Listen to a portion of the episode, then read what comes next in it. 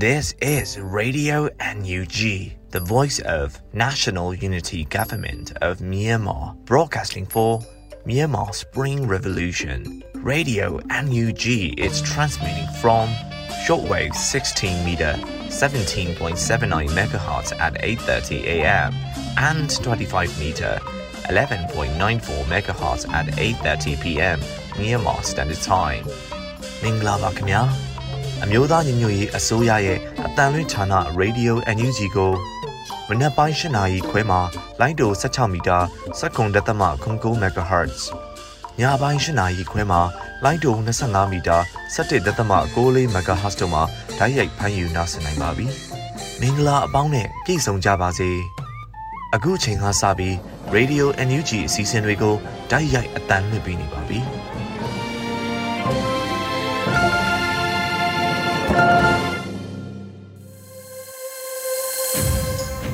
မြန်မာနိုင်ငံသူနိုင်ငံသားအပေါင်းတဘာဝပြီးဆရာနာရှင်ပြီးတို့ကနေကင်းဝေးပြီးကိုစိတ်နှစ်ပါးဘေးကင်းလုံခြုံကြပါစေလို့ရေဒီယိုအန်ယူဂျီခွဲသားများကဆုတောင်းမြတ်တာပို့သလာရပါတယ်ရှင်။ခုချိန်ကစပြီးပြည်တွင်းသတင်းများကိုအေရီမှဖတ်ကြားတင်ပြပေးပါရမရှင်။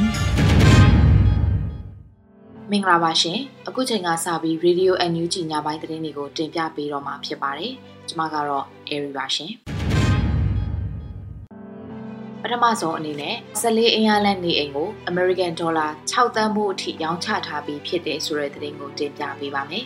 ။အကြံဖက်စစ်ကောင်းဆောင်မင်းအောင်လှိုင်ရဲ့14အင်အားလန့်နေအိမ်ကို American Dollar 6သန်းဖို့အထိရောင်းချထားပြီးဖြစ်တယ်လို့မေလ26ရက်နေ့ညပိုင်းမှာ End of Dictatorship EOD ကကြေညာခဲ့ပါတယ်။ဆရာနာရှင်မင်းအောင်လှိုင်မတရားပိုင်ဆိုင်ရယူထားတဲ့အင်အားလန့်ချန့်အမှတ်14ရှယ်ယာတွေကိုရောင်းချခဲ့တဲ့၃ပတ်မြောက်မှာပဲ။ ဒေါ်လာ6သန်းမို့အထိရောင်းချနိုင်ခဲ့ပြီးဖြစ်ပါတယ်။သတင်းစာရှင်းလင်းပွဲမှာပြည်တော်စုဝန်ကြီးဦးတင်ထွန်းနိုင်ပြောခဲ့တယ်လို့ဒီငွေတွေဟာအားလုံးသိတဲ့အရေးအကြီးဆုံးဆိုတဲ့နေရာတွေမှာဓာတ်ရိုက်အသုံးပြုနေတာဖြစ်လို့တော်လန်ရေးအတွက်အရေးပါဆုံးဘဏ္ဍာရမုံငွေတွေဖြစ်နေပါတယ်လို့ EOD ကဆိုပါတယ်။အဆိုပါ14အင်အားလန့်နေအိမ်ကိုဒီနေ့အချိန်ထိစုစုပေါင်းဝယ်ယူသူဦးရေ9000ဝန်းကျင်ရှိပြီးဒေါ်လာ1000မို့အထက်ဝယ်ယူခဲ့သူအယောက်200ကျော်ရှိခဲ့တယ်လို့အများဆုံးဝယ်ယူသူကရှယ်ယာအဆောင်2000ဝယ်ယူခဲ့တာဖြစ်ပါတယ်။ အကြမ်းဖက်စစ်ကောင်းဆောင်မင်းအောင်လှိုင်ရဲ့14အင်အားလန်နေအိမ်ကိုမြို့သားညီညွတ်ရေးအစိုးရကအမေရိကန်ဒေါ်လာ10တန်းတန်ကြေးသတ်မှတ်ပြီးတစုလျင်အမေရိကန်ဒေါ်လာ100နဲ့ရောင်းချခဲ့တာဖြစ်ပါတယ်ရှင်။ဆက်လက်ပြီးအမျိုးသားညီညွတ်ရေးအစိုးရပြည်ထောင်စုဝန်ကြီးဒေါက်တာစောဝေစိုးနဲ့ UK အာရှနဲ့အရှေ့အလယ်ပိုင်းဆိုင်ရာနိုင်ငံခြားရေးဝန်ကြီးတို့တွေ့ဆုံဆွေးနွေးတဲ့သတင်းကိုတင်ပြပေးပါမယ်။ အမျိုးသားညီညွတ်ရေးအစိုးရကျန်းမာရေးဝန်ကြီးဌာနနဲ့ပညာရေးဝန်ကြီးဌာနပြည်ထောင်စုဝန်ကြီးပါမောက္ခဒေါက်တာစောဝေဆိုးနဲ့ United Kingdom UK နိုင်ငံအာရှနဲ့အရှေ့အလယ်ပိုင်းဆိုင်ရာနိုင်ငံခြားရေးဝန်ကြီးနဲ့ပါလီမန်အမတ်ဖြစ်သူ The Right Honorable Amanda Miley တို့မေလ25ရက်နေ့မှာလန်ဒန်မြို့တော်ရှိနိုင်ငံခြားရေးဒနသဟာယနဲ့ဖွံ့ဖြိုးရေးဝန်ကြီးဌာနရုံးမှာတွေ့ဆုံခဲ့ကြတယ်လို့သတင်းရရှိပါတယ်။ အဲ့လိုတွေးဆုံရမှာလက်ရှိမြန်မာနိုင်ငံရဲ့ဒေါ်လာရေးကိစ္စရပ်တွေမြန်မာနိုင်ငံကိုလူသားချင်းစာနာထောက်ထားရေးဆိုင်ရာအကူအညီပေးရေးကိစ္စရပ်တွေငြိမ်းချမ်းမှုနဲ့ဒီမိုကရေစီလမ်းကြောင်းပေါ်ကိုမြန်မာနိုင်ငံပြန်လည်ရောက်ရှိဖို့အတွက်နှစ်နိုင်ငံအတူတကွပူးပေါင်းဆောင်ရွက်မယ့်ကိစ္စရပ်တွေကိုဆွေးနွေးပြောဆိုခဲ့ကြပါတယ်။အဲ့နောက်ဝန်ကြီးနှစ်ဦးကြားချစ်ကြည်ရင်းနှီးစွာဆွေးနွေးခဲ့ကြပြီးမြန်မာနိုင်ငံအပေါ် UK နိုင်ငံရဲ့အကူအညီပေးမှုတွေကိုအထူးကျေးဇူးတင်ရှိကြောင်းပြည်ထောင်စုဝန်ကြီးပမောက္ခဒေါက်တာဆိုဝီဆိုကပြန်လည်ပြောကြားခဲ့တယ်လို့သိရှိရပါတယ်ရှင်။ ဆက်လက်ပြီးຫນွေဦးဆရာအတက်တင်တက္ကသိုလ်အဓိပတိဆရာကြီးဒေါက်တာသိန်းလွင်နဲ့ဂျားကာလာပညာရေးဆိုင်ရာဆွေးနွေးပွဲအောင်မြင်စွာကျင်းပခဲ့တဲ့တဲ့ရင်ကိုတင်ပြပေးပါမယ်။ဂျားကာလာပညာရေးချိတ်ဆက်မှုကွန်ရက်အခြေခံပညာပညာရေးဝန်ထမ်းများအထူးတပိတ်ကော်မတီ PEGSC ကဦးစီး၍ဆရာကြီးဒေါက်တာသိန်းလွင်နဲ့ဂျားကာလာပညာရေးဆိုင်ရာဆွေးနွေးပွဲကိုမေလ26ရက်နေ့မှာအောင်မြင်စွာကျင်းပခဲ့တယ်လို့သိရှိရပါတယ်။ တော်လိုင်းကာလအတွင်းကလေးတွေပညာရေးစင်ဆက်မပြတ်စေဖို့ဂျားကာလပညာရေးအစီအစဉ်တွေကိုတိုင်းပြည်အနှံ့အပြားမှာအကောင့်ထဲပေါ်ဆောင်ရွက်လျက်ရှိနေပြီးစစ်ကြုံပညာရေးကိုသပိတ်မှောက်ပြီးတခင်ပညာရေးတနည်းအားဖြင့်ပြည်သူပညာရေးကိုအကောင့်ထဲပေါ်နေကြတာဖြစ်ပါတယ်။ဂျားကာလပညာရေးဆိုင်ရာဆွေးနွေးပွဲကိုဒေတာအသီးသီးကဂျားကာလပညာရေးကိုအကောင့်ထဲပေါ်ဆောင်နေကြတဲ့ပညာရေးပုတ်အဖွဲ့တွေဂျားကာလပညာရေးကျောင်းတွေ Federal Schools တွေ ဒေသဆိုင်ရာအစုအဖွဲ့တွေဆရာသမတ်ကတွေတက်ရောက်ဆွေးနွေးခဲ့ကြပါတယ်။ဆွေးနွေးပွဲကိုကိုယ်စားလှယ်ဦးရေ200တက်ရောက်ခဲ့ကြတယ်လို့သိရှိရပါတယ်။အဲ့လိုပြည်သူပညာရေးဂျာကာလာပညာရေးအစီအစဉ်တွေပေါ်ဆရာကြီးဒေါက်တာသိန်းလွင်ကအကြံပြုဆွေးနွေးဟောပြောခဲ့ပြီးတက်ရောက်လာတဲ့ကိုယ်စားလှယ်တွေကအပြန်အလှန်မေးမြန်းဆွေးနွေးခဲ့ကြပါတယ်။ဂျာကာလာပညာရေးမှာအကောင့်ထည့်ဖော်နေတဲ့အကြောင်းတွေရဲ့လွှမ်းခြုံနိုင်မှုပညာရေးဆိုင်ရာကိုယ်ပိုင်လွတ်လပ်ခွင့် သင်ရိုးနဲ့သင်ကြားနည်းတွေ Federal Democracy ပညာရေးနဲ့ဆက်လင်းတဲ့ကိစ္စရပ်များတိုင်းဒေသတွေရဲ့ပညာရေးဘာသာရေးဆိုင်ရာကိစ္စတွေမိခင်ဘာသာစကားအခြေပြုပညာရေးစစ်စစ်အကဲဖြတ်ခြင်းဆိုင်ရာစတာတွေကိုဆွေးနွေးခဲ့ကြတယ်လို့သိရှိရပါတယ်ရှင်။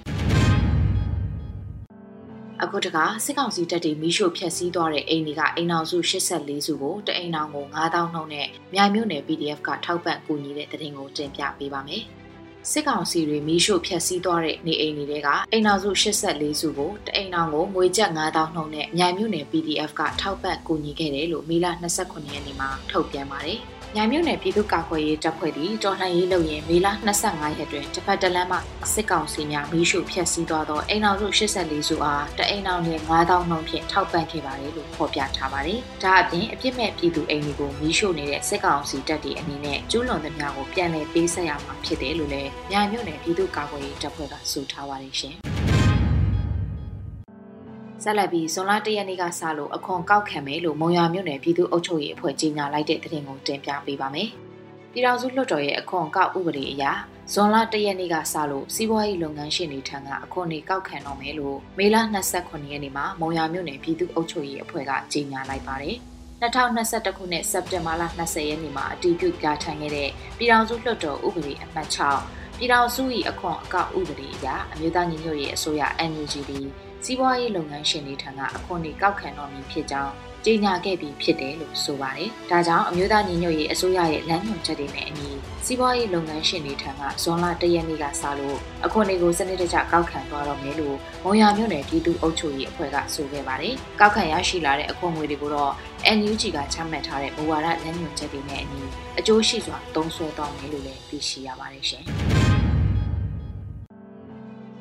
ဆက်လက်ပြီးအကြမ်းဖက်စစ်ကောင်စီရဲ့ဝန်ထမ်းတွေနဲ့အတက်သတင်းပေး24ဦးကိုကရင်ပြည်နယ်အတိုင်းအမြကောင်စီ KSCC ရဲ့ညွှန်ကြားမှုနဲ့လွန်ငင်းချမ်းသာခွင့်ပေးခဲ့တဲ့ဆိုတဲ့သတင်းကိုတင်ပြပေးပါမယ်။မေလနောက်ဆုံးပတ်မှာအကြမ်းဖက်စစ်ကောင်စီရဲ့ဝန်ထမ်းတွေနဲ့တက်သတင်းပေး24ဦးကိုကရင်ပြည်နယ်အတိုင်းအမြကောင်စီ KSCC ရဲ့ညွှန်ကြားမှုနဲ့လွန်ငင်းချမ်းသာခွင့်ပေးခဲ့တယ်လို့ KNDF P03 ကဖော်ပြပါတယ်။ အကြမ်းဖက်စစ်ကောင်စီတပ်ဖွဲ့ရဲ့တရင်ပေးတွေနဲ့ EPC နေသားဝန်ထမ်းတွေစုစုပေါင်း24ဦးကိုကရင်ပြည်နယ်အတိုင်းအမြံကောင်စီ KSCC ရဲ့ညွှန်ကြားမှုနဲ့ KNP ရဲဌာန KSP နဲ့ KNDF တို့ကမေလ26ရက်နေ့မှာလွန်ငင်းချမ်းသာခွင့်ပြုခဲ့ပါတယ်လို့ဆိုပါတယ်။ပြည်သူ့ကာကွယ်ရေးတပ်ဖွဲ့တွေအနေနဲ့နိုင်ငံတကာဆိုင်ရာအရက်ဖက်စစ်ဖက်ဆိုင်ရာစည်းကမ်းတွေကိုလိုက်နာကျင့်သုံးရရှိနေတာလည်းဖြစ်ပါတယ်ရှင်။အခုတင်ပြပေးခဲ့တဲ့သတင်းတွေကိုတော့ Radio NUG သတင်းတောက်မင်းမင်းကပေးပို့ထားတာဖြစ်ပါတယ်ရှင်။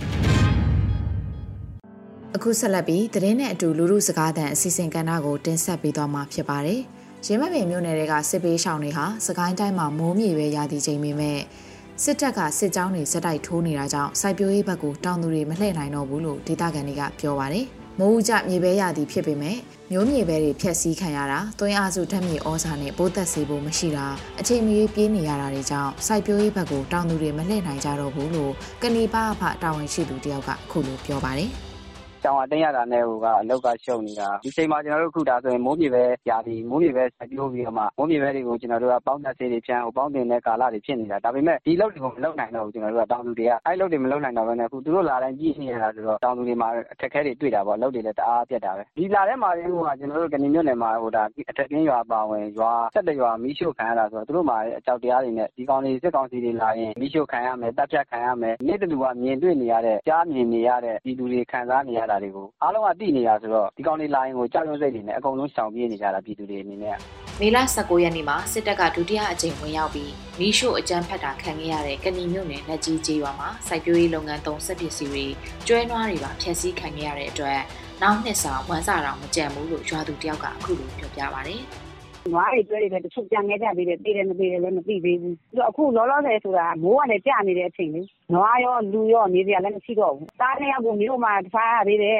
သူများအိမ်တွန်းခံခိုင်းတယ်အေးဖေးအေးမှာတောင်သူတွန်းရုံးပြီးတော့မှကိုနွားကိုကျွဲနဲ့ရုံးကန်ပြီးတော့ထောက်ထားတဲ့အိမ်ခုရထားတဲ့ပြီးနံလေးတွေသူ့ဘောမှာဘာမှလုတ်ထားတာလည်းမရှိဘဲနဲ့ဒီလိုလုတ်တာဆိုတော့ခံစားရပဲရောဒီဟာလေးဆိုတာအနှစ်နဲ့လာလာနေစူကောင်းဆိုတော့လုတ်ခဲ့ရတဲ့ဟာတွေလေအခုချိန်မှာအခုပြီးနံလေးလည်းသိပြီးတဲ့အချိန်ဆိုတော့ပြီးနံလေးပါကုန်ပါသွားပြီလေပြီးနံလေးကိုလည်းကိုမစားရတော့ဘူးဒီလား အဲ့လိုခံစားရတယ်ငါဒီလိုအိမ်မျိုးစောင့်နိုင်မှုဆိုတာလည်းမလွယ်တော့ဘူးတောင်သူတွေရှိတဲ့အတိုင်းပဲလေတောင်သူဆိုတာအပြီးမှလေးပေါ်လာလိုက်ရောင်းလိုက်အာဒီကတလေအကျွေးနဲ့တစ်နှစ်ကရင်းလိုက်နေတာလောက်ရတာတွေကတက်တယ်လေဖြစ်နေတယ်အတူတူမှဒီနှစ်မှပြီးမှလေးရလို့ဝန်တာနေကလေးရှိသေးတယ်ဒီလိုအဖြစ်တော့ခံစားရတော့တာပါကွာ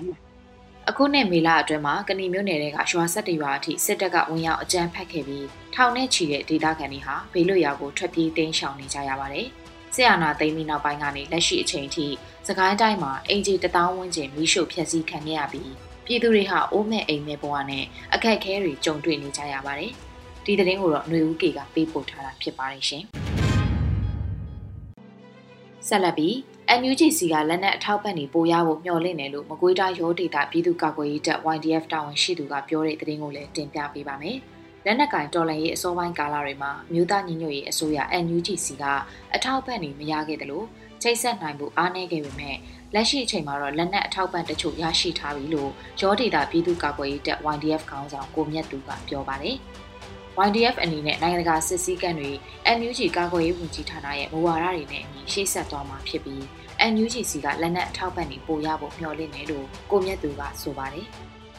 NUG အမိုဒီနေနေတော့ကျွန်တော်တို့လက်နက်ခံရထောက်ပံ့မှုတွေတော့အနည်းငယ်ရှိပါတယ်။ဒီမှာဆက်ပြီးမှထောက်ပံ့မယ်လို့လည်းကျွန်တော်တို့မျှော်လင့်နေကြပါဗျ။ပြည်သူအတွက်လက်နက်ကင်ထားတာဖြစ်တဲ့အတွက်ကျွန်တော်တို့ဝန်ကြီးအနေနဲ့ကတော့ပြည်သူတွေရဲ့ရည်မှန်းချက်ကကျွန်တော်တို့ဝန်ကြီးရဲ့ရည်မှန်းချက်ဖြစ်တယ်။ပြည်သူတွေရဲ့ဆန္ဒကကျွန်တော်တို့ဝန်ကြီးရဲ့ဆန္ဒဖြစ်တယ်။အဲဒါကြောင့်မလို့ပြည်သူတွေနဲ့ဆန့်ကျင်တဲ့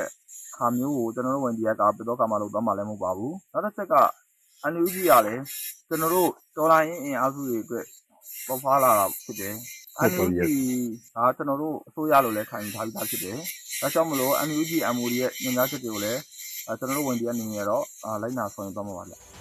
။ဘဝေးတိုင်းတွေကရောဒေတာထီလင်းစောကြောက်ထုနဲ့ခံကောမြို့နယ်တွေမှာအတိုင်းအတာတစ်ခုထိနယ်မြေလွှမ်းမိုးထားနိုင်တဲ့ရောဒေတာပြည်သူ့ကာကွယ်ရေးတပ် YDF ရဲ့နှစ်ပတ်လည်နေ့အခမ်းအနားကိုမေလ26ရက်နေ့ကပြုလုပ်ခဲ့ပါတယ်။ စကိုင်းတိုင်းမှာလည်းစစ်တပ်ကတာလွန်အင်အားသုံးပြီးအကြမ်းဖက်တာကိုရှော့ချနိုင်မှုဆိုရင် NUG ကဒေတာရင်း PDF တွေကိုလက်နက်တပ်ဆင်ပေးဖို့လိုအပ်တယ်လို့ခင်ဦးသတင်းမှန်ပြန်ကြားရေးအဖွဲ့ကတာဝန်ရှိသူကအခုလိုပြောပါတယ်။ ပြည်သူတွေရဲ့အပေါ်မှာ ကျနော်တို့ ဒီလို ကာကွယ်မှုတွေ ပေးချင်တယ်။ပေးချင်သော်ငြားလည်းပဲ အညာဒေသမှာ ဘာတွေဖြစ်ပျက်နေတယ်ဆိုတာကျနော်တို့တွေကကာကွယ်ရေးတွေအတွက်က လက်နက်ခဲယမ်းတွေ လိုအပ်တယ်။လိုအပ်တဲ့အခါမှာ သက်ဆိုင်ရာ ဝန်ကြီးဌာနတွေ အနေနဲ့လည်း ကျနော်တို့ အညာဒေသတွေမှာ အရပ်သားပြည်သူတွေအပေါ်မှာ ညှဉ်းပန်းနှိပ်စက်မှုတွေ ပြည်သူပိုင်နေအိမ်တွေ မီးရှို့ခံရမှုတွေ လျှော့ချနိုင်ဖို့ဆိုရင်တော့ ကျနော်တို့ အမြန်ဆုံး လက်နက်တပ်ဆင်ပေးဖို့ လိုအပ်ပါတယ်လို့ ပြောချင်ပါတယ် အနောက်မြောက်တိုင်းစစ်ဒေသမှာစစ်ကောင်စီနဲ့ PDF တွေထိတွေ့မှုဇက်တိုက်ဖြစ်ပွားနေတယ်လို့ပြူစောထိနဲ့ဒလန်တွေကြောင့်မြေပြင်အခြေအနေရှုပ်ထွေးပြီး PDF အဖွဲ့တွေကြားထဲမှာသဘောထားကွဲလွဲမှုတချို့လည်းရှိနေပါတယ်။ဒီသတင်းကိုတော့ຫນွေဦးကေကပေးပို့ထားတာဖြစ်ပါတယ်ရှင်။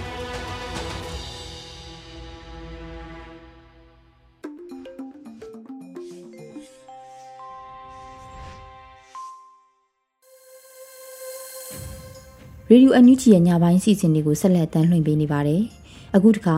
ဆရာမုခရဲ့ CDM တွေရဲ့အတန်နဲ့အာမန်အပိုင်း6ကိုနားဆင်ကြရမှာဖြစ်ပါတယ်ရှင်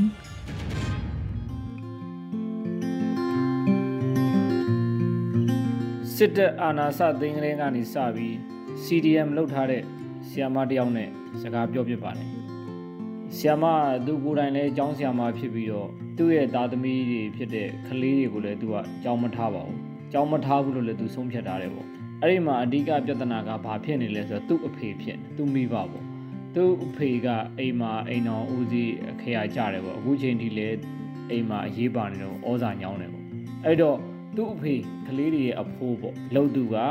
စစ်တပ်ကဖွင့်တဲ့ကြောင်းစစ်ကောင်စီကဖွင့်တဲ့ကြောင်းကိုတွားထားခြင်းနေတယ်အဲ့မှာကလေးမိဘဖြစ်တဲ့ CDM ဆီယာမကသူကလုံးဝမထားဘူးလို့ဆုံးဖြတ်ထားတယ်အဲ့ဒီမှာအိမ်မှာသူတို့ပြိပခါတွေဖြစ်နေကြတယ်ပေါ့အဲ့ဒါကို ဘယ်လိုလုပ်ရင်ကောင်းမလဲဆိုပြီးတော့အဲ့ဆီယာမာကကျွန်တော်ကိုလာပြီးတော့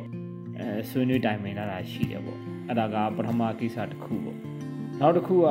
အဲစေချောင်းသားတတိယနှစ်ညီငယ်လေးတယောက်ပေါ့သူကတော့အဆုံးဖြတ်ချက်ပြတ်သားတယ်ဒီစစ်တပ်ကဖွင့်တဲ့စစ်ကောင်စီကဖွင့်တဲ့သွေးစွန်းပညာရေးစစ်ကြုံပညာရေးကိုအာမပေးဘူးဆိုပြီးတော့တပိတ်မောက်တဲ့အနေနဲ့ CDM လောက်တဲ့အနေနဲ့သူကចောင်းတော့မသွားဘူးပေါ့အဲ့မှာသူအိမ်ကဘာဖြစ်လဲဆိုတော့ ထုံးတဲ့တိုင်းဖေးလှုပ်တဲ့သူကဒေါသထွက်တယ်အဲထိုးမဲ့ကြိတ်မဲ့လှုပ်တယ်ပေါ့ပြီးတော့အိမ်ဘဝနှိမ်ချတယ်အဲ့တော့သားလှုပ်တဲ့သူကလည်းပြတ်သားတယ်အိမ်ပေါ်မှာမနေရရင်မနေရကိစ္စမရှိဘူးဆင်းမဲ့ဆိုပြီးတော့ဆင်းချသွားတယ်တခြားမျိုးကပေါ့သူဦးလေးတယောက်ကအိမ်မှာသွားနေတယ်အဲ့မှာမအေးလောက်တဲ့သူကတော့တငူတရီဖြစ်တာပေါ့သူတို့မိသားစုအချင်းတွေကလည်းစိတ်ဝင်စားစရာပေါ့သူ့ရဲ့ညီမလေးပေါ့အဲလက်မကကျမကြီးမကောင်းလို့ဆိုပြီးတော့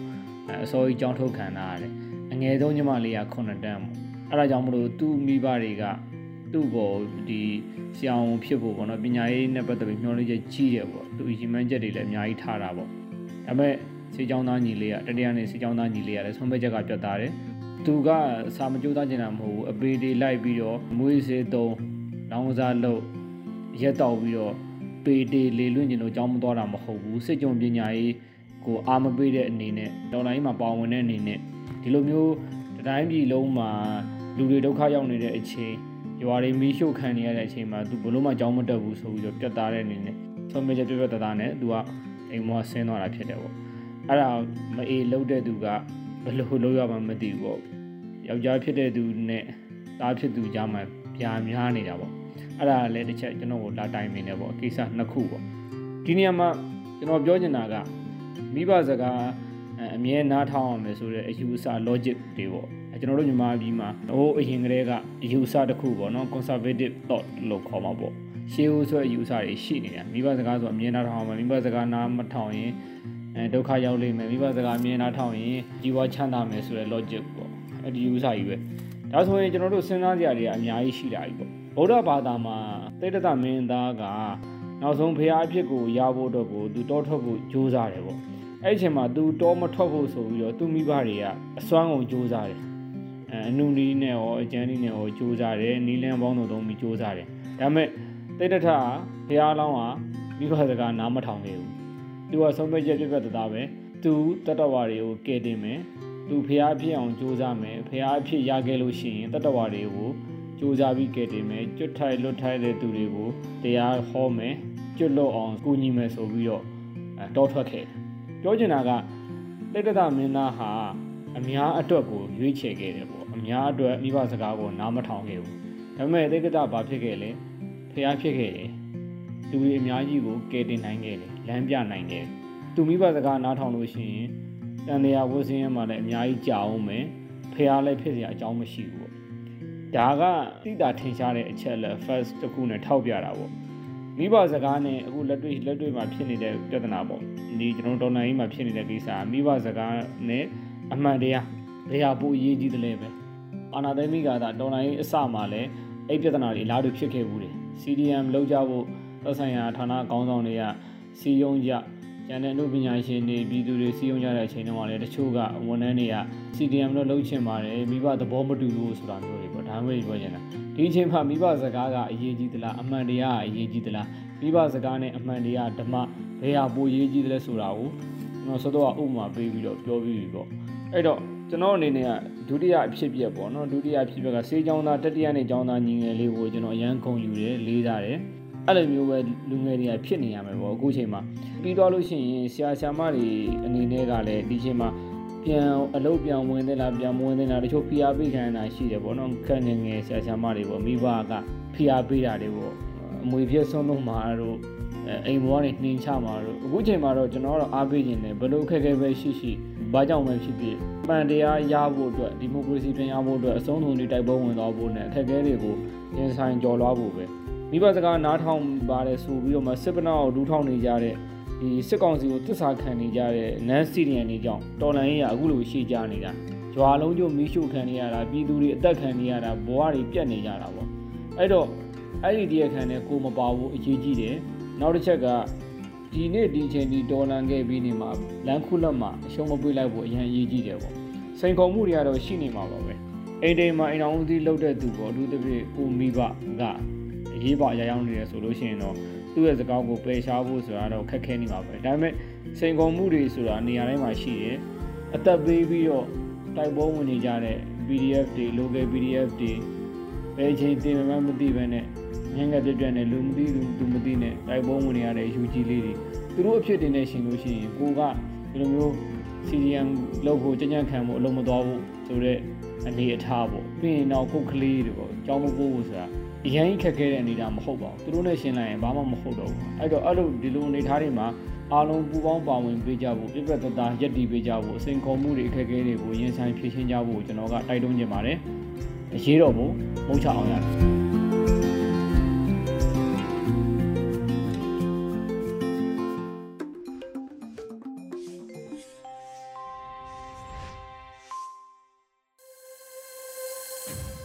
ရေဒီယိုအန်ယူဂျီမှာဆက်လက်တမ်းလွှင့်ပေးနေပါတယ်။ဒီနေ့အတွက်တယောဇာကဏ္ဍအစီအစဉ်မှာတော့အောင်နေမျိုးတင်ဆက်ထားတဲ့တက်ပြက်လူလူဖို့တက်ပူအပိုင်း46ကိုနားဆင်ကြရမှာဖြစ်ပါတယ်ရှင်။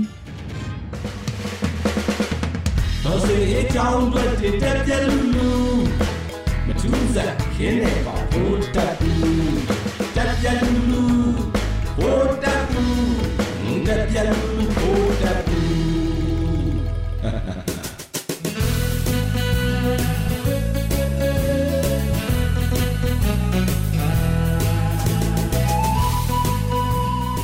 တ်တက်ပုကျင်ဆိုးတယောက်ကသူ့မိသူပြန်ကြိုက်ရင်းနဲ့ဂျာလဘတ်လဲနေတာဖြစ်နေရပြီ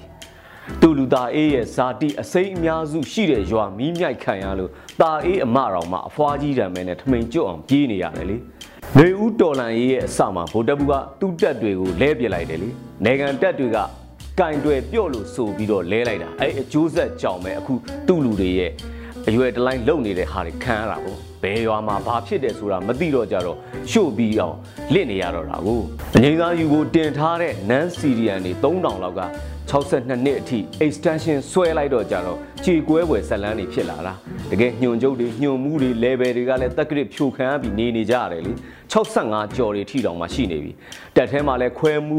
ရင်းမှုမိသားစုတွေကနေကြရတယ် အရင်ကရန်ကုန်မှာနေတဲ့လူတွေကလည်းသက်ဆိုင်ရာတက်ရင်ဌာနချုပ်တွေမှာသွားနေကြရတယ်ရင်းမှုတွေကလည်းကိုယ်တိုင်ရှေ့တန်းမှာထွက်နေတော့3လဆိုလို့ရှိရင်ခွင့်က15ရက်ပဲရတယ်အမိဖြက်ခေါင်းဖြက်နဲ့10ရက်လောက်ပဲမိမနဲ့နေနေရတော့မိမတွေကလည်းတိတ်မကြည့်ကြတော့ဘူးတင်းလာကြပြီလေအရင်ကလိုမျိုးလဲအာရကေလည်းမဖန်နိုင်တော့မဖန်နိုင်တဲ့အပြင်တော်မှာအိတ်ဆိုင်ဖြစ်နေတော့ဘူတက်ဘူးကျင်ဆိုးကိုကြိတ်ပြီးချိန်ဆဲနေကြရတယ်ပြောရရင်ဘူတက်ဘူးကျင်ဆိုးကတိုက်စင်တော့တိုက်စင်ပဲဒါပေမဲ့ကိုယ့်ဘက်ကိုတက်ကိုပြန်နင်းတဲ့ တိုက်စင်ဖြစ်နေတယ်။ချိတ်ထီယိုဖះကိုမိုးကြိုးခတယ်တခါမှတော့မကြောက်ဘူးပါဘူး။တိုက်တိုက်ဆိုင်ဆိုင်ပဲဖာထုတ်ကလည်းချိုက်ထီယိုတက်တဲ့အကြောင်းကိုရေးတင်ထားတာတွေ့လိုက်တယ်လေ။ဖာထုတ်မြန်တခုခုအစီရင်လောက်ထားလေသလားဆိုပြီးတွေးစရာတော့ဖြစ်နေသေးတယ်။အဲဒီတော့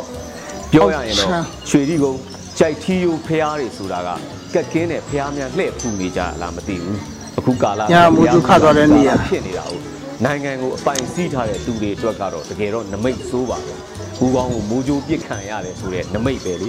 ကြိုက်ထီယိုဖះကြောက်တုံးဟာယသိဥကောင်းရယ်လို့သမိုင်းမှာရှိတယ်မဟုတ်လားပြည်သူတွေကတော့ထူပြီးဖိမနေကြတော့ဘူးလေတနိုင်ငံလုံးမီးလောင်နေမှာတော့ဖះမိုးကြိုးခတာတော့ကတော့မတုံလောက်ကြတော့ဘူးပေါ့ဗျာအဲ့တော့ပြဿနာကစစ်ဘဲတွေပဲခုချိန်ကတရားတာနာဆိုပြီးတော့စစ်ဘဲတွေတော်တော်များများကနေလတက်လုံးကိုစောင့်နေကြတယ်နေနဲ့လားနှစ်ပါးဆိုင်တရားကိုယ်တိုင် မမယ်ယောက်ျားဆိုပြီးအဆူရှိတကူဗျခုလိုတရားလက်နဲ့ resin လက်နဲ့နဲ့ထုတော့ကြောက်ချီးပန်းနေကြတော့တာပေါ့ဗျာတလောကပကံမနူဟာဖះမှာကျင်ဆိုးအမိတ်နဲ့ရေရရာချီအလှလုတ်တဲ့အကြက်တဲတွေကနေလွတ်မြောက်ဖို့ပေါ်လေဗျာဘလို့ပဲရေရရာတွေချီချီဘူဂရော်တွေကတော့ဝမ်းဆက်နဲ့အယွမ်းတက်နေကြတယ်တက်သားတွေကတော့တာယာဖရက်ပြာယာတွေခန့်နေပြီတကယ်ကမင်းတို့လည်းကိုငါတို့လည်းကိုဖို့တစ်ရက်လုံးမင်းတို့မင်းကိုတီကိုအလုံးလိုက်မျိုးပြီးရေရရာပေးရမှာ မင်းကိုတီးကလည်းပေါ်နေပြီဆိုတဲ့ချိန်ခါတမရမှုပေါ့ဗျာဖောင်ပိတ်သတင်းအရဆိုလို့ရှိရင်ကျင်ဆိုးတို့ရဲ့ဥဒ္ဒစတင်နန်းတက်ရဖို့လိုင်းကြီးကယာကနန်းလောက်ကိုဝင်းကျင်ဖြစ်နေတဲ့ဒီရက်ပိုင်းမှာဥဒ္ဒစအပတ်စင်တွေအတွက်တလောကခွေးအုပ်တွေမှာမြိုင်ထနေကြတယ်ဂလောဥဒ္ဒစမှာတက်ခွင့်ရဖို့အတွက်အခုအနေဆုံးအဆင့် ဒုဗုံမှုတက်ရင်မှုအဆင့်တွေပါရှေ့တန်းထက်နေရတဲ့တက်ရင်တွေကလည်းရင်းမှုတွေလည်းတင်တန်းတွေသွားတက်နေရတော့အန်ရီကပိုကင်းမယ်လို့တွက်ပြီးတော့ဥဒ္ဒစဆင်းရင်ပါအပြိုင်ကားနေကြတဲ့တင်တန်းဆင်းချိန်မှာမရောက်ခင်ဥဒ္ဒစတဲ့ဘုံလာကျဲခံမှတော့မတွေးမိကြဘူးပေါ့ဗျာကြံမတိုင်ခင်ကဥဒ္ဒစတင်တန်းဆင်းပြီးမိခင်တက်ရင်ကိုပြန်သွားတဲ့ရင်းမှုတွေကတော့ G1 အိမ်မက်တွေမမတ်နိုင်တော့ပဲအိမ်မက်စိုးကြီးပဲမတ်နေကြရတယ်ဆိုလားပဲမရတွေကမဲပေါက်ခံရမှများသဘောဗျ မနစ်ကကလောမြို့မှာလဲတမ55ငရဲသွားဆိုပြီးကျိန်စာတိုက်ခံထားတာအခုမှထိနေတော့တာထင်တယ်ဗုဒ္ဓဘူးကျင်စိုးတို့တအုပ်ဓာတ်သဘောနဲ့အကုန်ရှော့မဲ့ဇလန်းနဲ့ဒီမာရင်ရက်ပြီးတော့တခန့်ရက်ပြီးစကိုင်းတိုင်းဘက်ကိုလည်းကျွန်တော်တို့လှည့်ကြည့်အောင်ဗျာစကိုင်းတိုင်းတွေကရွာတရွာဆိုလို့ရှိရင်စစ်တပ်ကဝင်ပြီးတော့မီးရှို့အဲ့ချိန်မှာပဲ ရွာသူရွာသားအများစုကတော့စစ်ကြောင်းရောက်မလာခင်မှာပဲထွက်ပြေးလွတ်မြောက်သွားကြရတယ်။ဒါပေမဲ့စစ်ကောင်စီတပ်ထဲမှာလက်ရှိတာဝန်ထမ်းဆောင်နေတဲ့စစ်အရာရှိနှစ်ကောင်ရဲ့မိသားစုတွေနဲ့ဒလန်မိသားစုတွေကတော့အခြေအနေမပြတ်ဘဲရွာထဲမှာဆက်နေခဲ့ကြတဲ့။ဘိုးကောင်တွေကရွာထဲမရောက်ခင်ကတည်းကပဲရန်ဆန်ပစ်ခတ်ပြီးဝင်လာကြတာလေ။အိမ်တွေမီးရှို့တော့ရွာထဲမှာကြံခဲ့တဲ့တက်မျိုးတက်နွယ်တွေမိသွေးကဖြစ်ကုန်တော့တာပေါ့ဗျာအဲ့ဒီမှာပဲ BBC သတင်းအောင်မှာ ဒေါသတကြီးနဲ့ဝင်ဆွဲနေတဲ့စစ်ဗိုလ်နှကောင်ရဲ့မိသားစုဝင်တွေဆိုလို့ရှိရင်သူတို့အိမ်ထဲမှာပဲပိတ်လောင်ခံထားရပြီးမီးလောင်သွားကြတဲ့ငါတို့သားကတက်သေးကပါလို့ဖင်ပြဲအောင်អော်နေပေမဲ့လို့လေစောက်စကားများနဲ့စောက်ဖွားကြီးဆိုပြီးအော်ငေါက်ပြီးတော့တောင်ခံသေးတဲ့ကိစ္စတုံးတောင်လောက်ခံရလိုက်ရတယ်နေမြေရှင်းလင်းရေးဆိုတဲ့သဘောတရားကိုသိချင်ရင်တော့စစ်တပ်ထဲရောက်နေတဲ့ခမားတို့ရဲ့သားမြေးတွေသားစိုးတွေကိုမေးတာကြည့်လိုက်ကြပြီတော့ဗျာအ စိတ်သားတောင်မချန်နဲ့ဆိုတာကကိုဝင်ဆောင်မျိုးသမီးရဲ့ဘိုက်ထဲကလူလောကတဲ့ရောက်မလာသေးတဲ့ကလေးငယ်ကိုတော့မချန်ခိုင်းတာပဲဒလန်လဲသူတို့မချန်ဘူးဘသူမျက်နာကိုမှထောက်တဲ့သူတွေမဟုတ်အကုန်ရန်ကာတက်ဖြတ်နေကြတော့တာပဲဒါတွေကိုအဓိကအရှိတရားပဲအမှန်တရားတွေပဲလေကဲခုတော့ငုံမယောင်နဲ့အမောက်ထောင်ပြန်ပြလာတဲ့အမှန်တရားပုံရိပ်ဆိုတာက ဖနက်တစ်ဖက်အဖြစ်နဲ့မျက်နာရှိကနေထပြန်တက်ပြသွားပြီလေခုဆိုရင်မလေးရှားနိုင်ငံသားရေးဝန်ကြီးကဝန်ကြီးစဉ်ဆိုပြီးတော့တရားဝင်စတင်သုံးနှုန်းသူဖြစ်လာပြီမေဂန်ကတော့ထုံးစံအတိုင်းဟိုမပြက်ဒီမပြက်တကြံအမြောက်နဲ့တဝုံငုံပြစ်နေလို့ကောင်းတော့မယ်မေဂန်မှာထိမ့်သိမ်းထားတဲ့ပြည်သူပတ်စံတွေပြန်ပေးဖို့တောင်းတော့လဲအင်းမလုံအဲမလုံနဲ့ကြောက်ရွံ့တာလုံနေတော့တယ်ပြန်ပြောတော့လဲစာရွက်တွေအပြည့်နဲ့လိုအပ်ချက်တွေအပြည့်များသားကို ဒါတော့မှကိုပတ်စံကိုပြန်တောင်းနေတာနော်အနှစ်ချုပ်ပြောရရင်တော့ NASA ကဗိုလ်တပ်ဘူးကျင်ဆိုးကိုဘယ်သူမှအတိမတ်မပြုကြတော့ဘူး NUG NUCC ကိုထိတွေ့ဆက်ဆံသွားကြမယ်တဲ့ဗျာနောက်ပြီးတော့လဲလူသားချင်းစာနာမှုအကူအညီတွေကိုတကယ်ဒုက္ခရောက်နေသူတွေစီမှန်မှန်ကန်ကန်ရောက်အောင်လုပ်သွားမယ်တဲ့နောက်တစ်နှစ်ထိတောင်မှထပ်မစောင့်နိုင်တော့ဘူးလေဗျာစစ်ကောင်စီကဒီအကူအညီမျိုးတွေကိုပေးခြင်းတဲ့သူတွေစီကွက်ပေးပြီးတော့လက်နက်တပွဲအသုံးချကူညီတာမျိုးတွေအဖြစ်မခံနိုင်တော့ဘူးတဲ့ ကုလသမဂ္ဂ NGO နဲ့ NUG ကနေတဆင့်ကူညီမှုတွေကိုလုပ်သွားမယ်ဆိုပြီးတော့ပြောလာကြတယ်။လောလောဆယ်တော့အသေးစိတ်ကိုတော့မပြောပြနိုင်သေးဘူးဆိုပြီးတော့ရှိသေးတယ်ဗျာ။ဘာတွေများနှစ်ဦးသားကြိတ်ကြံနေကြလဲတော့မသိသေးဘူးပေါ့။ဒီလိုပြောလို့ပြည်သူတွေကိုအသက်လွတ်ရွှေချမြောက်ပင်းနေတာမဟုတ်ဘူးလေ။တသေးထူပြစရာတွေလည်းမကြမီရက်ပိုင်းလောက်ကမှတန်းချီစုဆောင်းမိလာတဲ့ဟာတွေဒေါ်လာတန်းချီရှာပေးနိုင်တဲ့ application မျိုးတွေတီထွန်နိုင်တာတွေကနိုင်ငံရေးခေါင်းဆောင်တွေကလောက်ခဲ့တာမဟုတ်ဘူး။ ပြည်သူတွေကပြည်သူပဲလှုပ်ခဲကြတာလေပို့ပြီးပြည့်စုံအောင်ပြောရရင်တော့တော်လန်ရေးသမားပြည်သူတွေပေါ့ဗျာဒေသန္တရပြည်သူကာကွယ်ရေးတပ်ဖွဲ့တွေအပါအဝင် PDF တွေတိုးတက်လာတယ်ကြီးထွားလာတယ်ပြည်သူတွေကြောက်မယ်လေပြည်သူကိုယ်တိုင်ဖွဲ့ခဲ့ကြတာပဲဒါကြောင့်လဲဒီနေ့ထိပြည်သူကိုယ်တိုင်ပစိုးတူတူခါစီပြီးတိုက်ပွဲဝင်နေကြတာတွေ့နေကြရတာပေါ့တိုင်းသားတွေနဲ့လဲ ရခင်ငါထက်နားလည်မှုတွေပိုရလာတာတွေတယောက်နဲ့တယောက်အပြန်အလှန်ရိုင်းမင်းကူညီလာတာစိတ်ပူပန်လာကြတာတွေကလည်းပြည်သူတွေကြောက်တယ်ရရနီလန်းနဲ့ကူညီတတ်ကြလာတယ်ပြည်သူအချင်းချင်းရိုင်းမင်းကူညီကြလာတယ်လေဒါတွေကလည်းပြည်သူအချင်းချင်းပဲနားလည်မှုအပြန်အလှန်ယူနေကြတာပဲပြည်သူတွေကအတွေးခေါ်ကအစဥဆောင်နေတယ်ဆိုတာပါပဲ နိုင်ငံရေးသမားတွေတွေ့ဝေခွင့်မရအောင်ကိုပြည်သူတွေကအဟုန်ပြင်းပြင်းနဲ့ချီနေကြတာပရိယေတွေလမ်းကြောင်းလွဲတာတွေဖြစ်တိုင်းလဲပြည်သူတွေကပဲလက်မခံပဲပြန်ပြီးတော့တိတ်မှတ်ပေးခဲ့ကြတာလေပြည်သူညံရီကိုတစ်ချက်ကြည့်လိုက်တချို့ comment တွေမှတ်ချက်စကားတွေဆိုလို့ရှိရင်ကဘာတလောကနိုင်ငံရေးခေါင်းဆောင်တွေရဲ့မိန်ဝင်းတွေထက်ကိုအစာပေါင်းများစွာထိရောက်နေတာတွေတွေ့နေရတယ်ကောမန်တစ်ခုမှဆိုလို့ရှိရင်သူသာတကိုးရှင်ဖြစ်ခဲ့ရင်အချင်းချင်းထိခိုက်ဒဏ်ရာရစေမယ်အရေးသားတွေရှောင်ပြီး လက်တွေကကလစ်နှိပ်နိုင်မှုလက်တွေဖြစ်ပါစေဆိုတဲ့အရေးသားမျိုးတွေတောင်တွေ့ခဲ့ရတယ်။ကိုမင်းကိုနိုင်ရဲ့စကားနဲ့ပြောရရင်ဒီဒေါ်လာကြီးကတယောက်စနှစ်ယောက်စကဥဆောင်ထားတာမဟုတ်ဘူး။ခုကမျိုးဆက်လိုက်ကြီးကိုပဲဥဆောင်တာဝန်ယူပြီးလုပ်နေကြတဲ့ဒေါ်လာကြီးပဲ။အဲ့တော့ဘယ်ခြေနေမှာမစိုးညံသက်တိနဲ့ဆုံးဖြတ်ပြီးတော့လက်ပြီးဆုံးလက်ဝါးဖြန့်ညီနေဖို့သာပဲအရေးကြီးတယ်။ရေးတော်ကောင်ကအောင်အောင်ပြီ။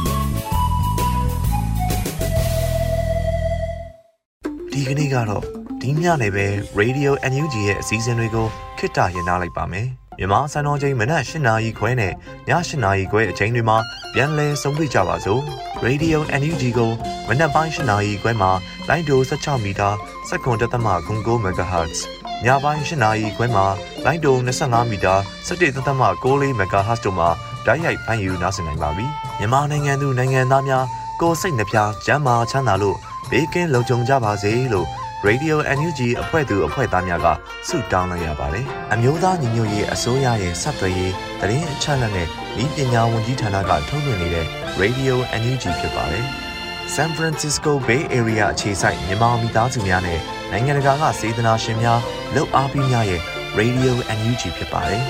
။အရေးတော်ပုံအောင်ရမည်